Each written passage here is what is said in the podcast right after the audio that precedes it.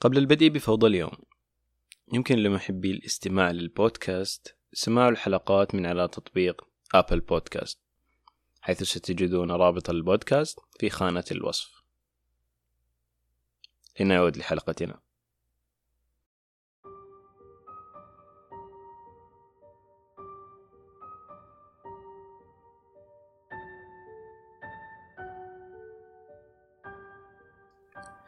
تمتلك الكلمة الواحدة القوة للتأثير على الجينات التي تعمل على تنظيم الجهد الجسدي والنفسي. هكذا يقول أندرو نيوبرغ ومارك روبرت في كتابهما Words can literally change your brain.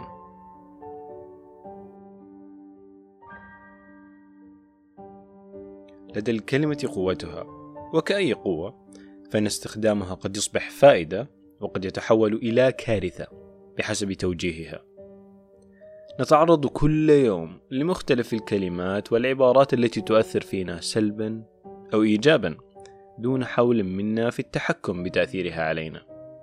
وربما أفضل ما نستطيع فعله هو توجيهها فقط، إما بجعلها حافزا لصالحنا أو إحباطا لنفوسنا، فدائما ما تمر بنا عبارات لقد صنعت يومي أو هذا الفيديو قد أضحكني عند استقبال رسالة لطيفة أو مضحكة أو عفوية وظريفة، والتي تؤدي لأمر ليس هينا على الإطلاق.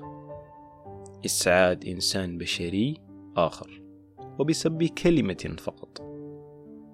وعلى نقيض ذلك فإن البشر يميلون دائما لحماية أنفسهم بسبب غريزة البقاء لديهم سواء بطرق صحية أو حتى خاطئة فقد يبني البعض آليات دفاعية مثل الانفجار على الغير أو الانطواء على الذات أو التدمير الذاتي عند تعرضه لعبارات جارحة أو سيئة أو حتى لو كانت نصائح بحسن نية ولكن مغطاة برداء العدائية.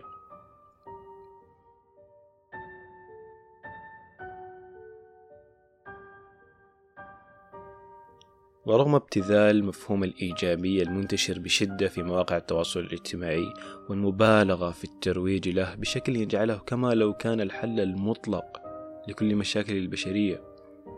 فإن لديه تأثيرا حقيقيا على أدمغتنا وبالتالي على حياتنا. فعند تكرار كلمات إيجابية أو متفائلة فإن ذلك يحفز نشاط الفص الجبهي الذي يحتوي على مراكز لغة محددة ترتبط مباشرة بالقشرة الحركية. المسؤولة عن الأفعال. وكلما استمر تكرار هذه الكلمات والأفكار الإيجابية فإن تأثيرها ينتقل لمناطق أخرى في الدماغ بحيث تغير تصورك لذاتك. وتعاملك مع الآخرين. وبشكل مبسط فإن الكلمات المتفائلة تجعلك أكثر ثقة ونشاطا وإقداما على العمل. هذه النظرة الإيجابية لنفسك تجعلك ترى الخير في الآخرين. بينما الصورة السلبية التي تضعها تجعلك دائما في شك وحيرة وقلق.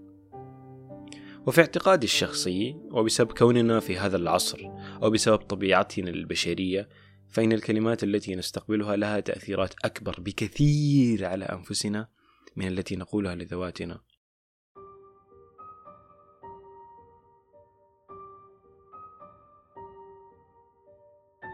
يمكن لكلمة واحدة وحيدة فريدة مفردة مستقلة أن تبني شخصا كاملا أو تهدم شخصا كاملا.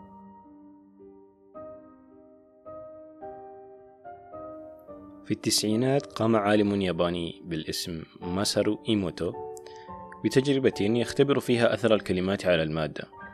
قام ماسارو بإحضار عدة أواني ملأها بالماء وكان يقول لها عبارات سلبية وإيجابية مختلفة مثل أنا أكرهك وخوف وأخرى مثل أنا أحبك وسلام.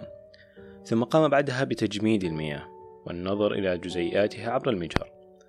قد وجد أن جزيئات الماء التي عرضها لكلمات إيجابية لها شكل كريستالي جميل ومنتظم. أما الأخرى فلم تكن جزيئاتها منتظمة بل عشوائية بأشكال مختلفة وبلون يميل للرمادي.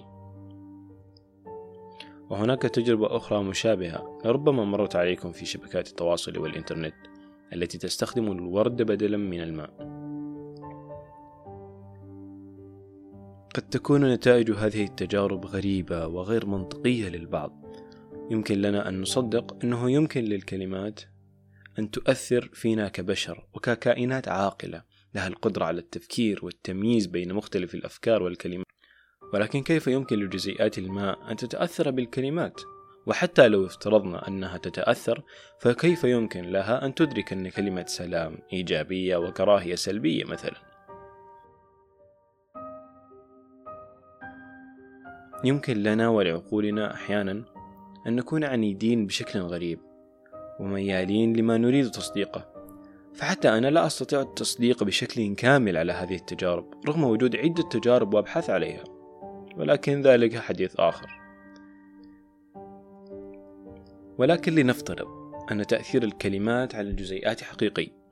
فإن ذلك سيجعلنا ننتبه للضرر المخيف الذي لربما نكون قد سببناه لغيرنا أو تعرضنا له.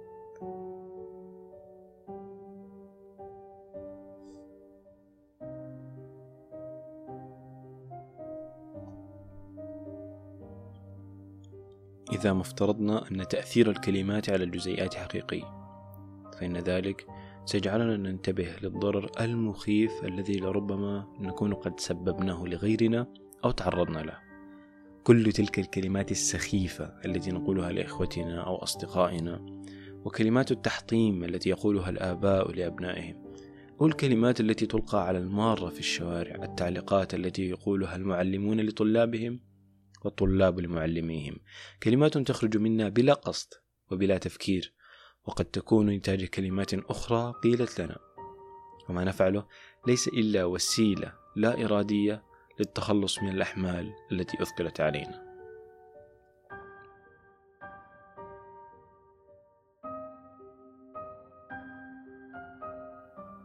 نلقاكم في فوضى أخرى. سلام.